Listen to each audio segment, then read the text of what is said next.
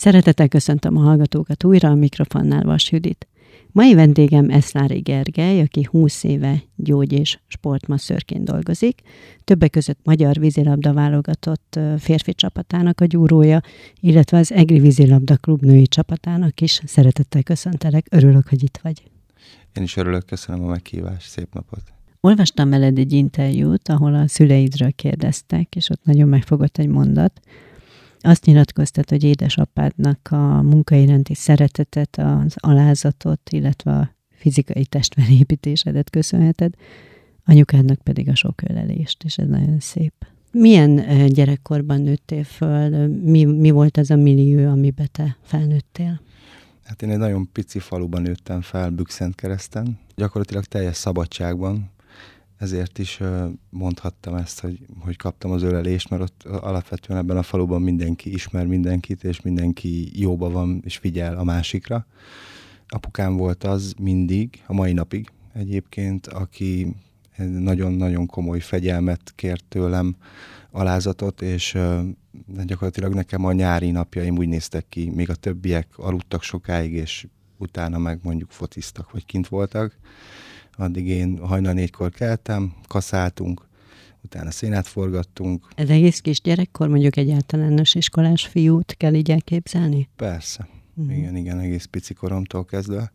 Tehát az, hogy a munkára megtanított, és hogy arra, hogy alázat találjak a dolgokhoz, az, az nála egy ilyen alap volt. Az ugyan több generációra visszamegy így a családba, mert a nagyszüleim ők ilyen mészégetők voltak egyébként, úgyhogy a fizikai munka az jelentős volt nálunk örököltem tőle, ahogy, ahogy említetted is, a, a fizik, fizikai erőt, ami ebben a munkában azért nagyon fontos.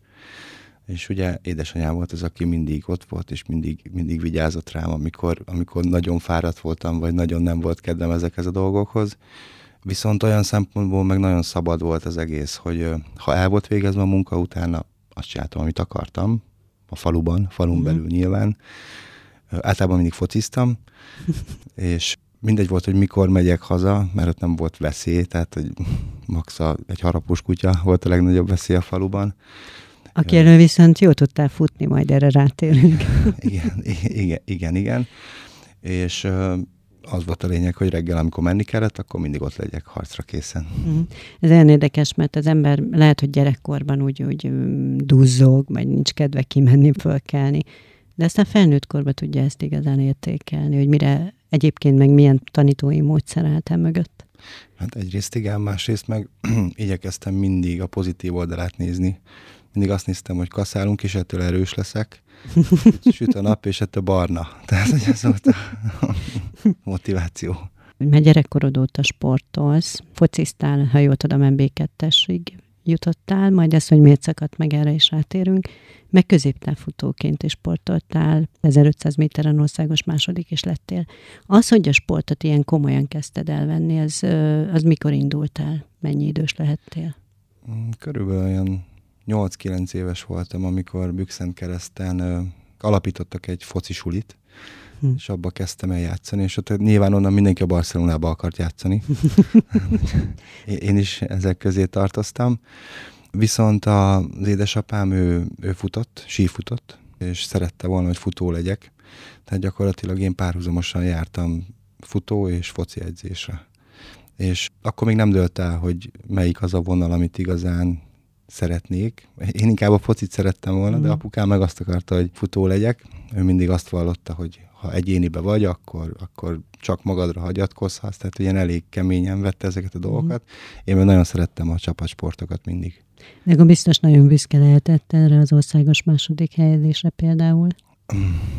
Igen, de azért a kérdés az mindig csak annyi volt, hogy miért második. Ja. Hogy a, a, hát, az első hely volt az, ami, ami neki a megfelelő volt általában. Uh-huh. Aztán Miskolcra kerültél, és itt is annyit mosolyogtam ezen a mondatodon, amit általában mindenhol elmondasz, tehát itt is kötelező hogy ott is úgy viszonyultál az emberekhez, mint Bükszent keresztem. Miről is van szó? hát igen, amikor, amikor lementem édesanyámmal először a távolsági busszal, leszálltunk a Városháztéren is, sétáltunk a Búzatér felé, akkor szerintem arra gondolsz, hogy én mindenkinek köszöntem. Igen. Ez annyira aranyos.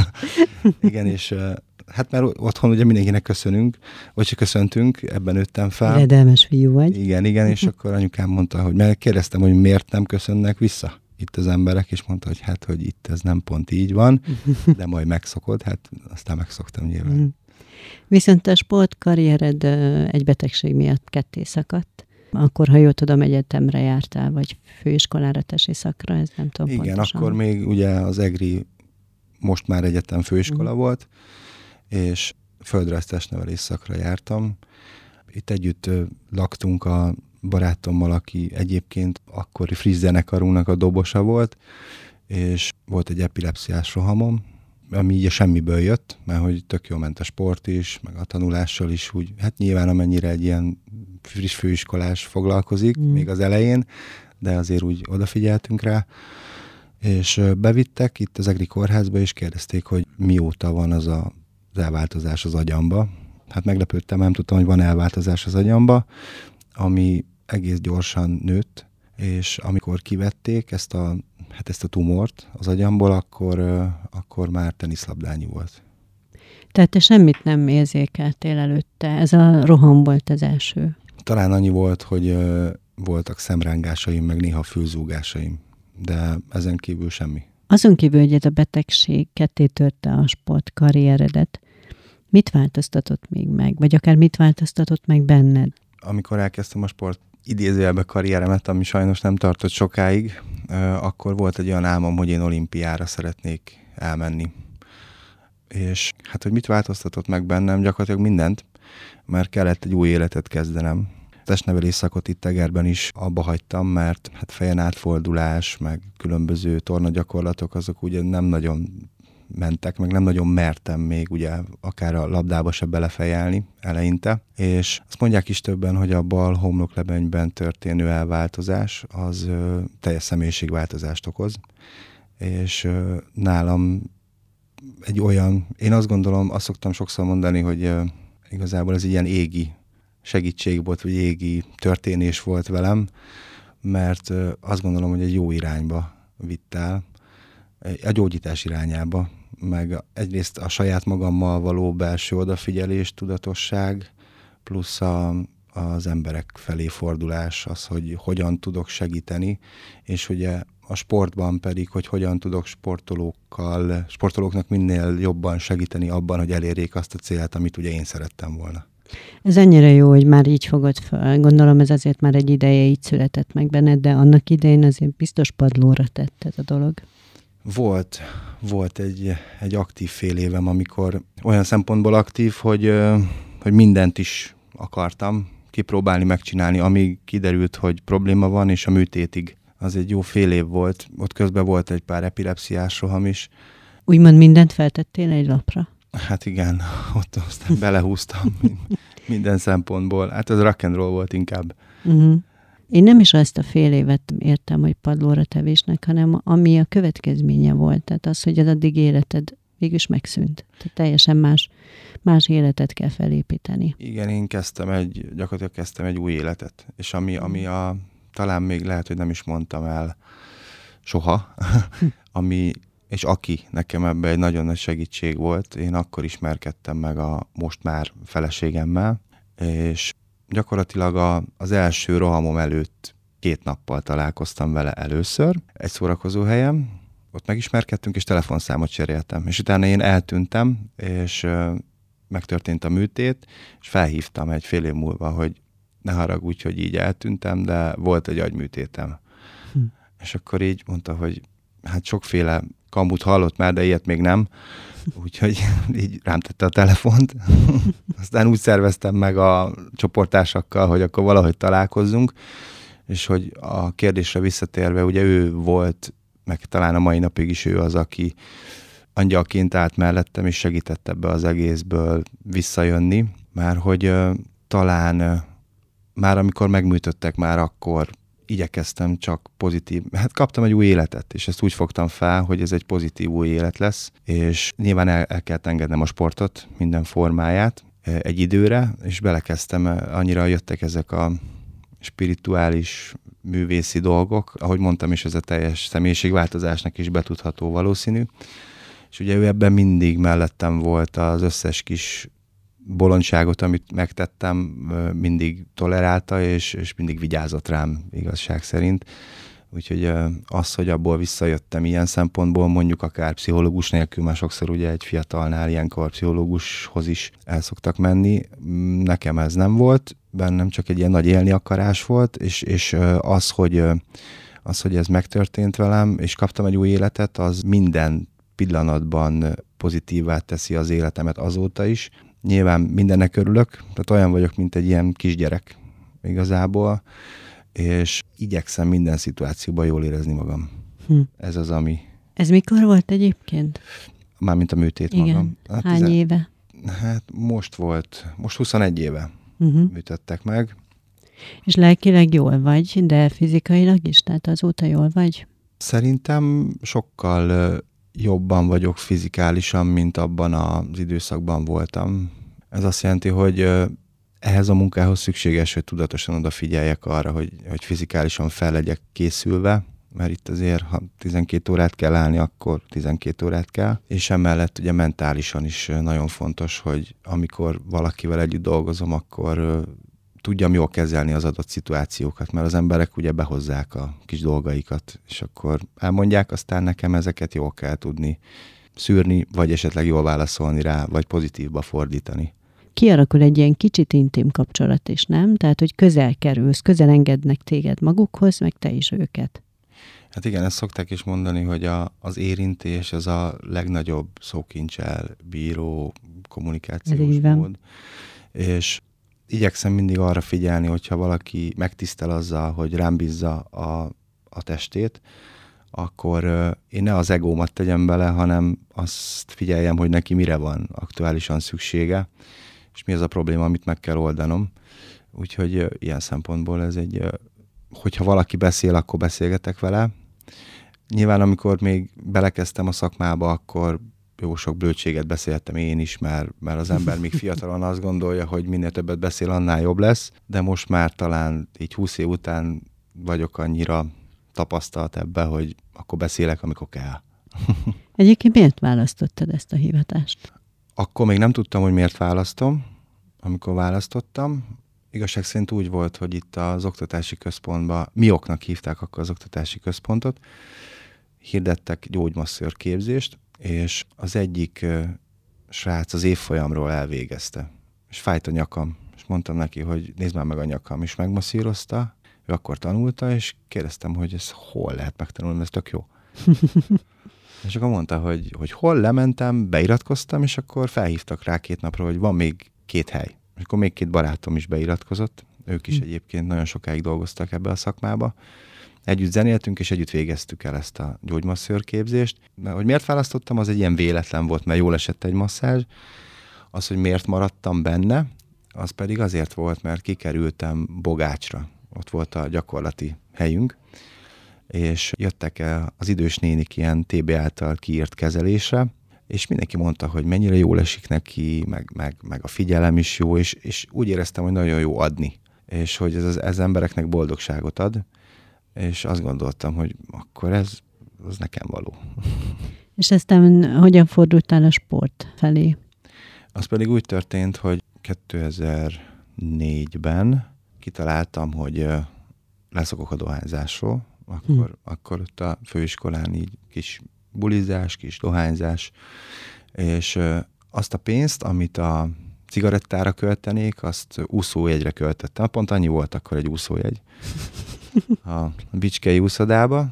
Elmentem oda úszni, és láttam, hogy ott ez a Gerendás, György, Szécsi Zoltán, olimpikonok, olimpikon edzők, az egri csapat, és akkor azt gondoltam, hogy hoppá, hát, hogy sportolók, és én sportoltam, és olimpiára akartam menni, és hogy itt vannak azok, akik már voltak, és szeretném, hogyha érezném azt a rezgést, amiben ők élnek. Úgyhogy oda mentem hozzájuk, és azt mondtam nekik, hogy szeretnék velük dolgozni.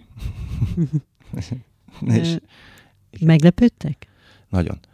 Akkor nem mondták el, viszont az a Mersz Tamás volt akkor a csapatkapitány az Eger csapatában, aki később a szövetségi kapitány lett, és utólag mondta, hogy annyira határozottan mentem oda hozzájuk, hogy nem is tudták azt mondani, hogy nem, hanem azt mondták, hogy kérdezték, hogy mikor jössz le, és akkor mondtam, hogy hát itt vagyok, kezdhetjük. Tehát, hogy én ezt így...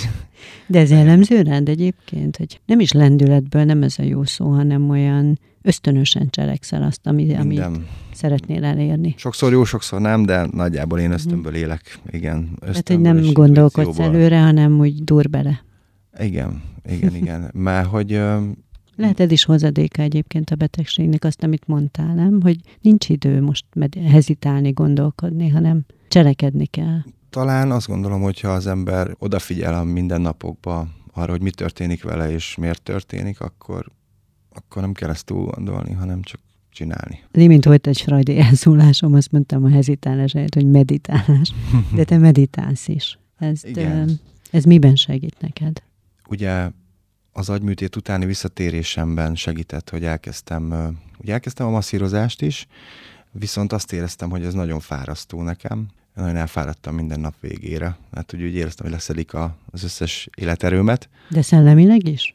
Szellemileg inkább nagyon fárasztó egyébként maga mm. ez a munka. Nekem sokkal fárasztóbb volt régen szellemileg, mint fizikálisan. És akkor elkezdtem így ilyen keleti dolgok után kutatgatni, hogy hogyan lehetne magam energetizálni és akkor elkezdtem tibeti gyógymódokat tanulni, és ugye ebben van a meditáció is, ami igazság szerint egy ilyen nagyon jó kis spontán erőfeszítés nélküli létet tud adni, és stabilitást az életembe. És a buddhizmus, az mit ad? Amikor az első ilyen buddhista kurzusra elmentem, a lányom születése után fél évvel, a nagylányom születése után, tehát 14 és fél éve, akkor azt mondták az ottani gyakorlók, meg az tanítók, hogy olyan, mintha már régi motoros lennél.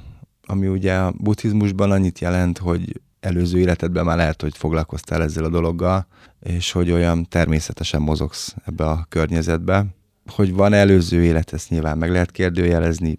Az én filozófiám szerint van, hogy mozogtam-e benne. Azt is viszont az, hogy egy nagyon egyszerű, nyugodt falusi környezetben nőttem fel, az, az egy jó alapot adott ahhoz, hogy ezen a helyen jól érezzem magam. Mindjárt rátérünk egyébként a sportmasszőri múltadra és jelenedre, de előtte egy kicsit beszéljünk a zenéről. Nekem egy kicsit morbidnak tűnik, de lehet, hogy ez csak az én hülyeségem, és semmi közel nincs hozzá, hogy az együttes neve elmezavar. Igen. Ez, ez az együttes, ez ö, már nincs, most már van egy új, mm viszont az elmezavar az a dobos barátommal, akivel együtt is laktunk, a főiskolát csoportások voltunk, Nyilván úgy ismerkedtünk meg új táborban, hogy ő dobol, én meg énekelek. Hát én akkor egy rockoperába énekeltem Jézus, tehát hogy nem zenekarban játszottam. Hol? Miskolcon volt egy rockopera, mivel nekem ugye a vallások felé és a spiritualitás felé mindig volt egy alapnyitottságom, ezért jártam ők Szent Kereszten ott a helyi közösségbe, és akkor a helyi közösség rakta össze ezt, és akkor amikor volt egy ilyen válogatás, akkor, akkor mondták, hogy akkor te leszel Jézus. És akkor így, így lettem Jézus ebbe a... És lettél. Jézus lettem, igen. Igen. Szóval így, így, így volt ez. A zenekarra visszatérve pedig elmezavar, igen. Ketten a dobos barátommal megalapítottuk a zenekart. Szóltam egy falubeli gitáros srácnak, aki tudott gitározni, nem, nem egy gitárosnak, hanem ő volt a faluba, aki tudott gitározni. A gitáros. a gitáros. A falu gitárosa. Igen, és lementünk Miskolcra. A helynek a neve az volt, hogy Metal Club, és ott próbáltunk először, de úgy, hogy összeraktunk három tankcsapda számot. És este nem jött el a zenekar, akinek fel kellett volna lépni, és volt ott egy kicsi volt a hely, de egy 80 ember volt, és mondták, hogy most mi lesz, hogy nincs itt a zenekar, és akkor hát mi már megünnepeltük az első próbánkat, tehát már kellőképpen jó állapotban voltunk, és mondtuk, hogy akkor majd... Színpadra kész állapotban. Ma, majd mi. És akkor felmentünk, akkor lejátszottuk ezt a három dalt. Akkor mondták, hogy még. Mondtuk, de hát ennyi, ennyi van. van. És akkor Ez a lejátszottuk, még egyszer lejátszottuk. és akkor már annyira boldogok voltak az emberek, hogy akkor még egyszer lejátszottuk, mi is boldogok voltunk, és lejöttünk a színpadról, és azt mondta ott a szervező és tulajdonos, hogy biztos, hogy nem vagytok normálisak, ti nevetek azt, hogy elmezavar. hát így lettünk elmezavar egyébként. Azt nyilatkoztad egyszer valahol, hogy ö, nagy vágyad az, hogy egyszer csak, mit tudom én, nyakadba vedd a világot, Szicíliát, nem is tudom már mely helyszíneket említetted, és ott gitározza a vakvilágban mindenkinek. Tehát, hogy ez, ez egy ilyen szabadság és boldogság érzés együtt lenne neked. Igen, ez még mindig megvan, és uh, ehhez vettem is magamnak egy ilyen akusztikus gitárt. Gitározni. Tanulok gitározni, igen. Több-kevesebb sikerrel, mert ugye a masszázsra jó a genetikám, meg a kezeim, viszont 12 óra masszázs után a kezembe fogom a gitárt, akkor az olyan, mint hogyha egy ilyen, nem is tudom. Kicsit ilyen, más új technika kell. Igen, meg egy picit ugye le vannak az ujjaim merevedve már estére, úgyhogy, úgyhogy mm. na, nehezebben haladok. Tehát fél óra kell, mire, mire normálisan megszorul a kezembe egy hangszer. Mm-hmm. De, de szeretem nagyon a gitárt. Elmesélted az imént ezt a kis történetet, de aztán nagy álmotok is valóra vált, ha jól tudom, mert a tankcsapda előtt felléphettetek. Ez hogy jött? Igen, igen. Mindannyian tankcsapdán nőttünk fel. Ezt sokan szeretik, sokan nem. Mi nagyon szerettük mindig is a tankcsapdát, és ugye amikor összeraktuk ezt a zenekart a főiskolán, mi a főiskolán zenéltünk ilyen hallgatói klubokba, meg egy-két ilyen rendezvényen, de aztán ez véget ért, és mindenki elment az országban mindenfelé, négy, négy felé mentünk, Szolnoktól, Budaörsig, Balatontól, Bükszent keresztig, és uh, aztán újraindítottuk a zenekart 17-be, és az első koncertünk az úgy nézett ki, hogy nagyon sokat próbáltunk minden héten, feljártunk Budapestre mindenki, és a, kiírták a Bolykivölgybe a tankcsapdát. Ismertem az akkori szervezőjét ennek a koncertnek, és felhívtam, hogy tök jó tankcsapda, szeptember 17, van már előzenekar? Mondta, hogy nincs. Mondom, hát akkor mi leszünk? Tehát ez megint az volt, hogy... Igen, odaálltam és megmondtam. Hogy majd mi leszünk. És akkor mondta, hogy hát jó, de hát küldjünk anyagot a tankcsapdának. És akkor elküldtük, és pont egy masszázsom volt, csütörtök fél tizenkettőkor, egy hónappal a koncert előtt, és csörög a telefonom, és láttam, hogy a, hogy a szervező az. És akkor mondtam, hogy ne haragudj, most fel kell vennem, mondtam a vendégnek, nyilván nem szoktam telefonálni munka közben, felvettem, és mondta, hogy akkor oké. Okay. Kérdeztem, hogy mi? Mondta, hogy hát akkor játszhattok, azt mondta a tankcsapda, és akkor mondtam neki, hogy Déci, ezt mondd még egyszer, és akkor elmondta még egyszer, és akkor így lett, hogy a tankcsapda előtt játszottunk igazából. Meg se kérdezem, milyen élmény volt? hát előttük játszottunk, az nekem a fú, hát ez picit lehet, hogy ilyen, nem is tudom, szentimentális, amit ez mondok. Nem baj. Kimentünk oda, és hát nyilván egy előzenekarnál még nincsenek ott az emberek. Viszont mi mindenki berohamoztattunk, hogy, hogy jöjjenek minél többen, és a végére már ugye be is sötétedett, mert nap, nappal kezdtük, és besötétedett, és már ott volt mindenki, már várták a tankcsapdát. És volt egy olyan élményem, hát ez, ez tényleg tök szentimentális, de mindegy, majd legfeljebb kivágod. De hogy vágom.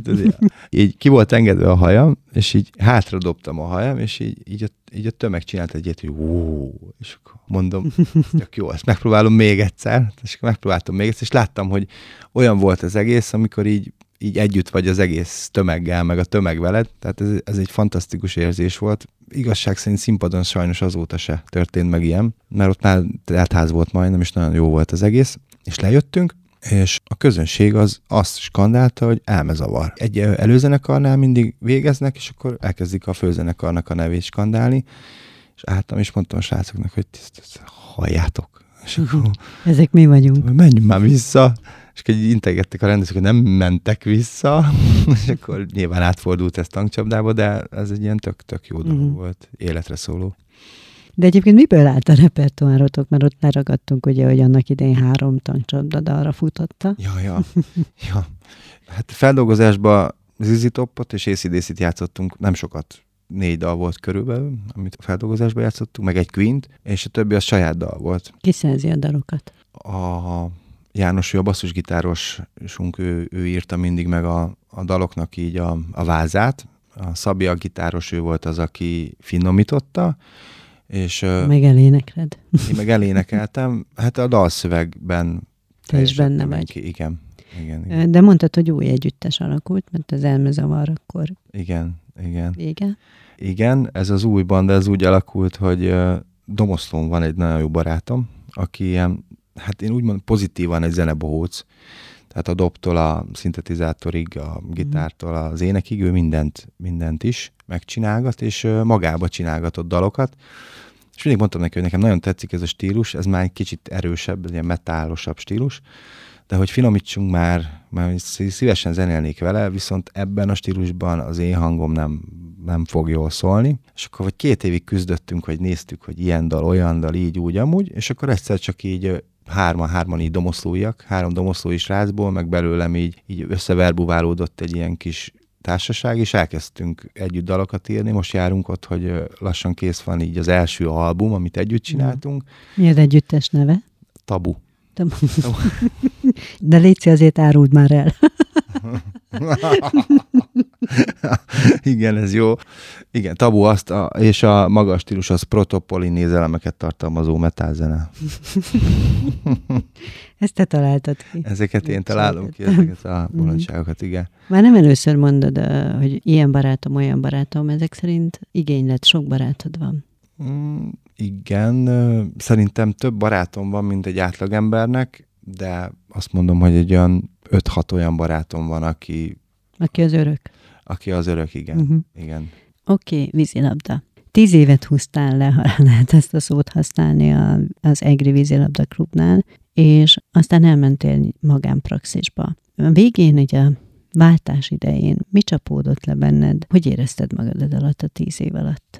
Hát egyrészt ugye ez pont abban az időszakban volt, amikor úgymond az új életemet építettem újra. Nagyon-nagyon jó volt ennek a, azóta is így van, de hogy az abban a tíz évben ennek a családnak a tagjává válni, ez egy nagyon belső összetartó és nagyon jó tükröt adó család, ami azért jó, hogy tükröt ad, mert ugye tud az ember benne fejlődni. Tehát itt nincsenek úgy nagyon... De milyen tükröt adtak neked?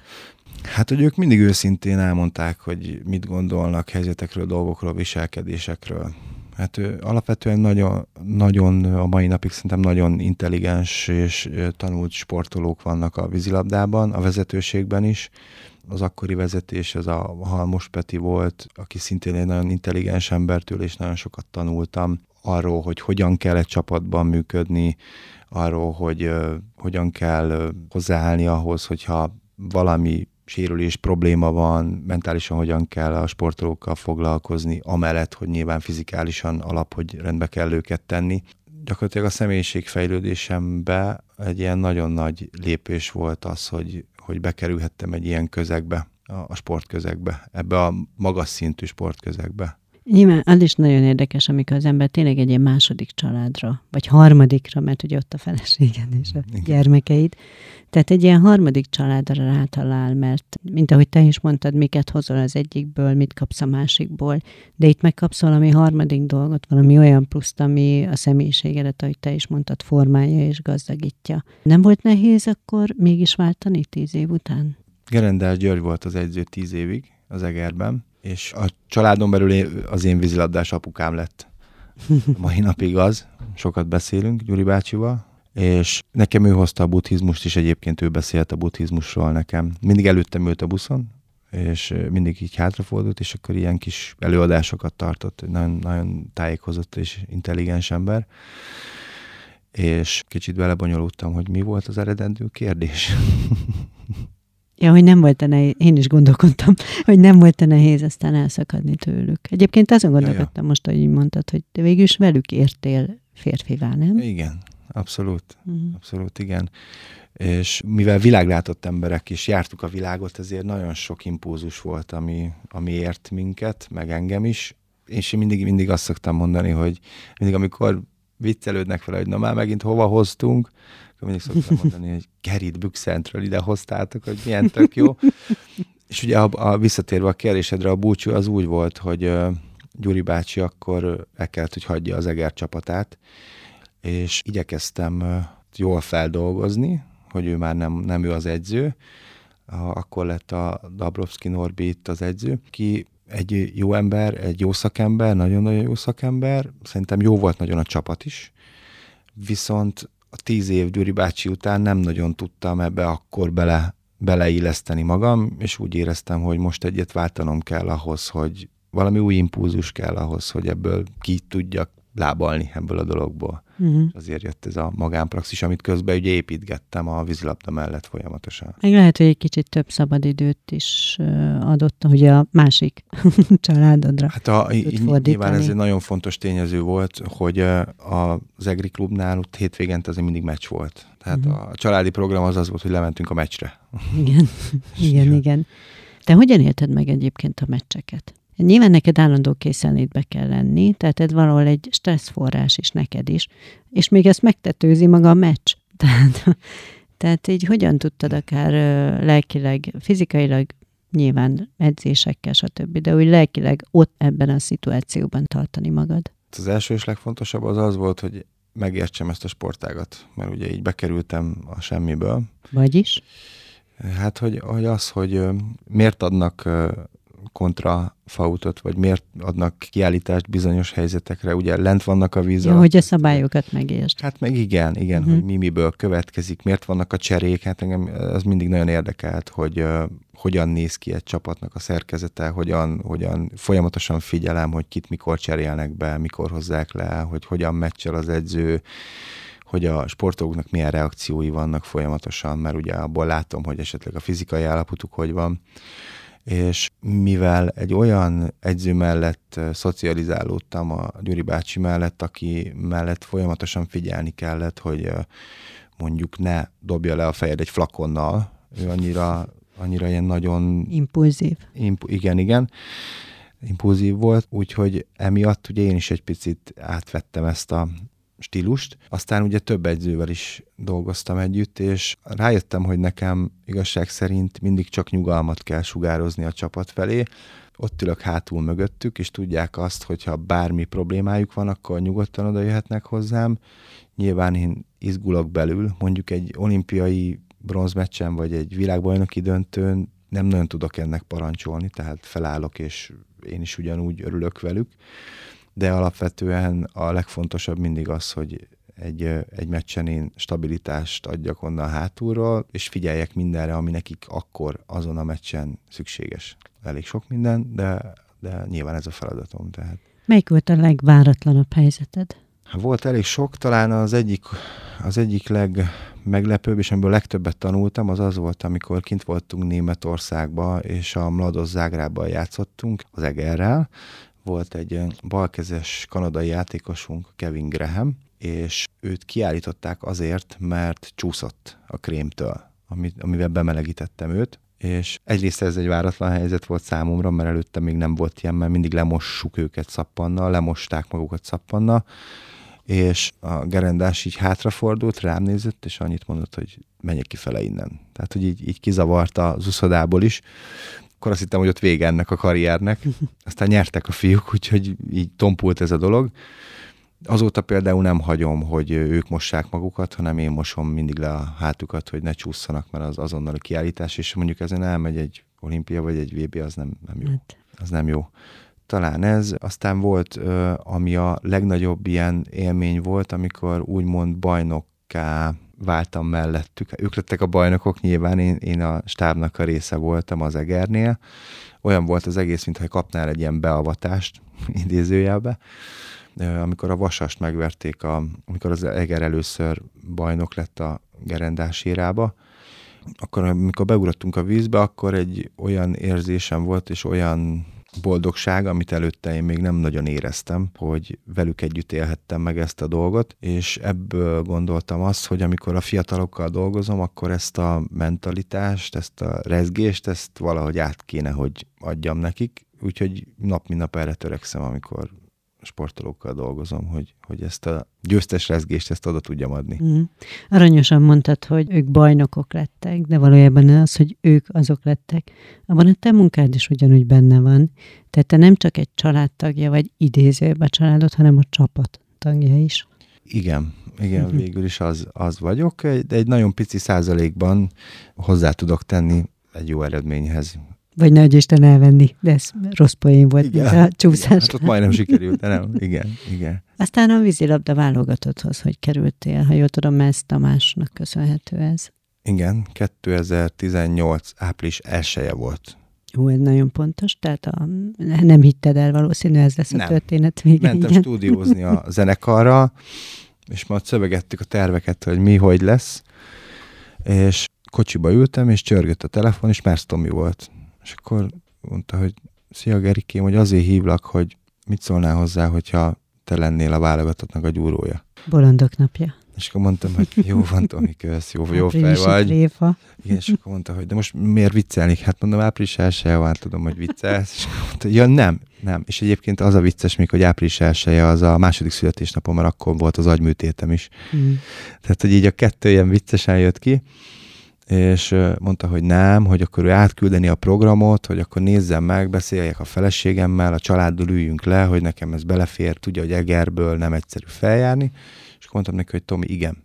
De hát, semmi feleség, hát, semmi hát megbeszélés. Szokásos, és mondtam, hogy igen, erre várok, amióta ebbe a szakmában vagyok. Ez, ez volt a cél.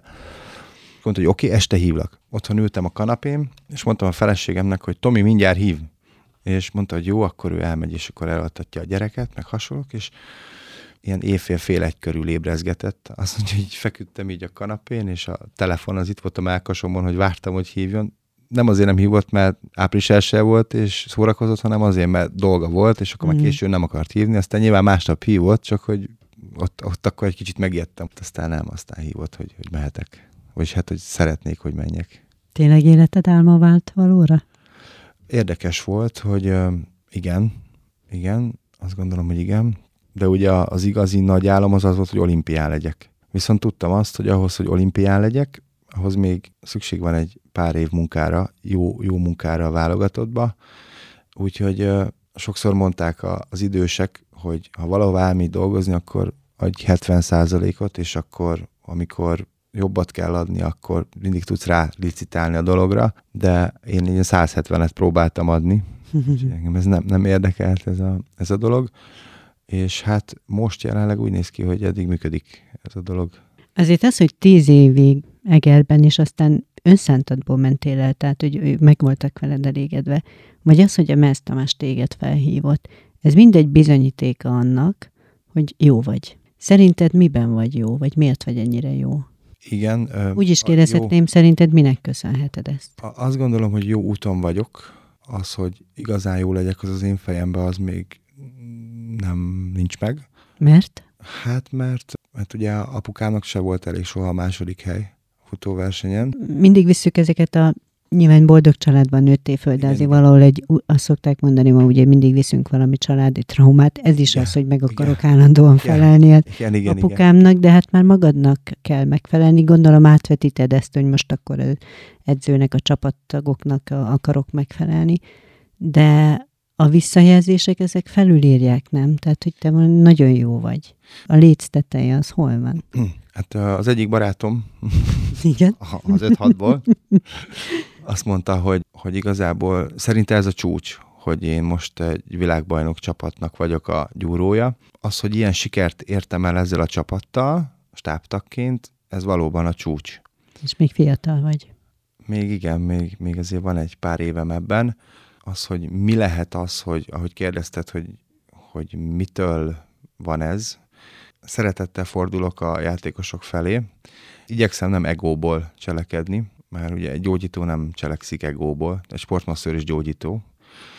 És az egyik idősebb kolléga, akit sokszor felhívok, ha van valami kérdésem, akivel itt a kajakkenúban együtt is szoktunk dolgozni, én őt, őt tartom a legfőbb mentoromnak, vagy hát a mentoromnak. Ő azt mondta, hogy azt különbözteti meg a, masszört a gyúrótól, hogy a, mikor a játékos kórházba kell vinni, akkor a gyúró elviszi a kórházba, amikor a játékosnak fel kell varni a logót a köntösére, akkor felvarom rá, amikor a sapkájából le kell vágni ollóval, akkor levágok belőle, amikor körömcsipesszel le kell vágni a körmét, mert pont nem tudja, mert vizes, vagy nem tudom, akkor levágom, és nem csak bejön hozzám valaki, és csinálok neki egy masszást, és akkor viszontlátásra kifizetés elmegy, hanem gyakorlatilag itt a... Velük élsz. velük élek, igen. Velük, velük eszek, velük nem, nem alszom velük, de sokszor van az, hogy az én szobám a klubszoba, hát este bent vannak hát nálam. ez a személyiségednek is köszönhető valószínűleg. Igen, igen, valószínű, hogy ez egy ilyen típusú személyiség az enyém, a, ami erre alkalmas. Na jó, de hol a létsz teteje? Szóval, hogy hol van neked a, az a magaslat, amit el akarsz élni? Mi az? Hát én szeretnék egyszer majd Spanyolországban a első osztályban, a foci első osztályban dolgozni. Tehát végül is csak kijutni, mint gyerekként. Igen. Mm. Igen, igen, igen. Hát ez egy nagyon szép álom. De szerintem neked már ennyiből is, ahogy megismertelek, nincs lehetetlen. Pár szót még beszéljünk a családodról. Két gyermeked van, két lányod. Úgy tudom, tíz év van köztük körülbelül. Igen. Nekik mit tudsz átadni a mentalitásodból? Mindabból, ami most ezt Lári Gergely lett, tehát a betegségemmel, a gyerekkor és sportkarrieremmel, mindennel, a szüleimmel, a pozitív visszajelzésekkel. Tehát ebben a mixben te mit tudsz ebből Lehet, nekik hogy... átadni? az, ahogy én létezem, ahogy, ahogy viselkedek, ahogy hozzáállok dolgokhoz, amit ők látnak, ahogy ott vannak velem, ahogy együtt élünk, ahogy eszem, ahogy alszom, ahogy létezem, az mind példa kell, hogy legyen a gyerekeimnek. Nem példa kell, hogy legyen példa. Tehát, hogy ha, ha tetszik, ha nem példa. Az, hogy mit mondok, az egy dolog. A legfontosabb az, hogy mit teszek, és ők mit látnak. Erre talán egy jó példa a múlt hét hétvége, amikor a nagyobbik lányom, Fanni versenyzett, ő díjlovagol, és lement a, a verseny, és utána ott volt az egyik barátnője, a kis udvarlója, meg, meg ő hárman voltak, és mondta, hogy menjünk el, nézzük meg a vízilabda Magyar Kupa döntőt, mert hogy akkor volt Budapesten, közel voltunk hozzá, és uh, sétáltunk be a, a szigetre, és uh, nekem előző nap a bal feszítő izmába bükszent kereszten foci közben egy, egy, egy rész leszakadt, és ugye nagyon nehezen tudtam menni utánuk, és akkor azt mondta a lányom, hogy mentek előttem, és ő szerintem nem hallotta, hogy, hogy én hallom, amit mond, és mondta, hogy figyeljetek, ez apának nagyon fájhat. Mert amióta én ismerem, neki még nem fájt semmi. Tehát, hogy, tehát, hogy igazából tök mindegy, mit mondok, a lényeg az, hogy ő mit lát abból, ahogy én élek, mm-hmm. vagy mhm. ahogy gondolkodom. Nyilván, amikor például elmegyek vele egy versenyre, akkor az elsőnél megvolt az a, az a minta, amit hozol otthonról, ahogy az édesapám eljött velem egy versenyre. Akartam kérdezni, hogy szerintem neked azért elég a második hely is. I- igen, hm. igen, sőt nem érdekel, hogy hanyadik. A lényeg az, hogy ő boldog legyen, és szeresse azt, amit csinál. Elmentünk erre a versenyre, és az első nap mindent meg akartam neki mondani, hogy hoztam ezt a mintát, hogy így csinálsz, úgy csinálsz, azt csinálsz. Úgyhogy nem is értek a díjlovagláshoz, semmi közöm hozzá. De én vagyok az apád, úgyhogy én tudom. Igen, igen, és akkor láttam, hogy a gyerek szétidegeli magát ettől, és akkor este mondtam neki, hogy figyelj, bocs, holnap én kiraklak, gondold át, csak annyit kérek tőled, hogy onnantól számít, vagy kilépsz az autóból, kiszállsz az autóból egészen addig, amíg lejössz a pályáról, gondold át még ma este, hogy mit hogyan akarsz csinálni, kiszállsz az autóból, és élvezd az egészet, engem nem is fogsz látni. Ha szükséged van, akkor szólj. És nyilván szólt, hogy éhes, meg ilyenek, amúgy nem, és nagyságrendekkel jobban versenyzett, mint, a, mint az első nap, és talán ezzel tudok neki adni a legtöbbet, hogyha nem teszek rá nyomást. Mm. Viszonylag nagyobb korkülönbség van a két lány között, tíz év. Milyen érzelmi löketet ad a nagyobb, és miért a kisebb? A nagyobb lányom, ő, ő egy ilyen, inkább a feleségemre hasonlít, ő egy ilyen nagyon visszahúzódó, csendes, nyugodt, kiegyensúlyozott. Ezáltal nekem egy, egy nagyon, nagyon megnyugtató, hogyha vele töltök időt. A kisebb lányom, ő ugyanazon a napon, ugyanabban a az órában és ugyanabban a percben született, mint én. Hm. Tehát, hogy ő meg a teljes tükröm, és mindent visszaad, amit valaha elkövettem a szüleim és az élet ellen. És még csak négy éves. Igen, de nagyon jó egyébként. Tehát nagyon jó élmény így szembenézni magammal kicsi hm. lányba. Hát igen, amúgy is egy férfinak három hölgyel élnie már az maga egy kihívás, de hogy még magát látja viszont. Igen, ezért, ezért hoztam egy fiúkutyát. Kedves Gerény, nagy élmény voltál nekem, ezt megsugom, maradj ilyen. és nagyon-nagyon örülök, hogy itt voltál, és teljesüljön minden vágyad, bármelyik családodban, azt kívánom neked. Köszönöm szépen még egyszer. Én is köszönöm. Kedves hallgatóink, Önök Esztvári Gergelyt és Vasiditot hallották, tartsanak velünk máskor is. Legyen szép napjuk, viszont hallásra.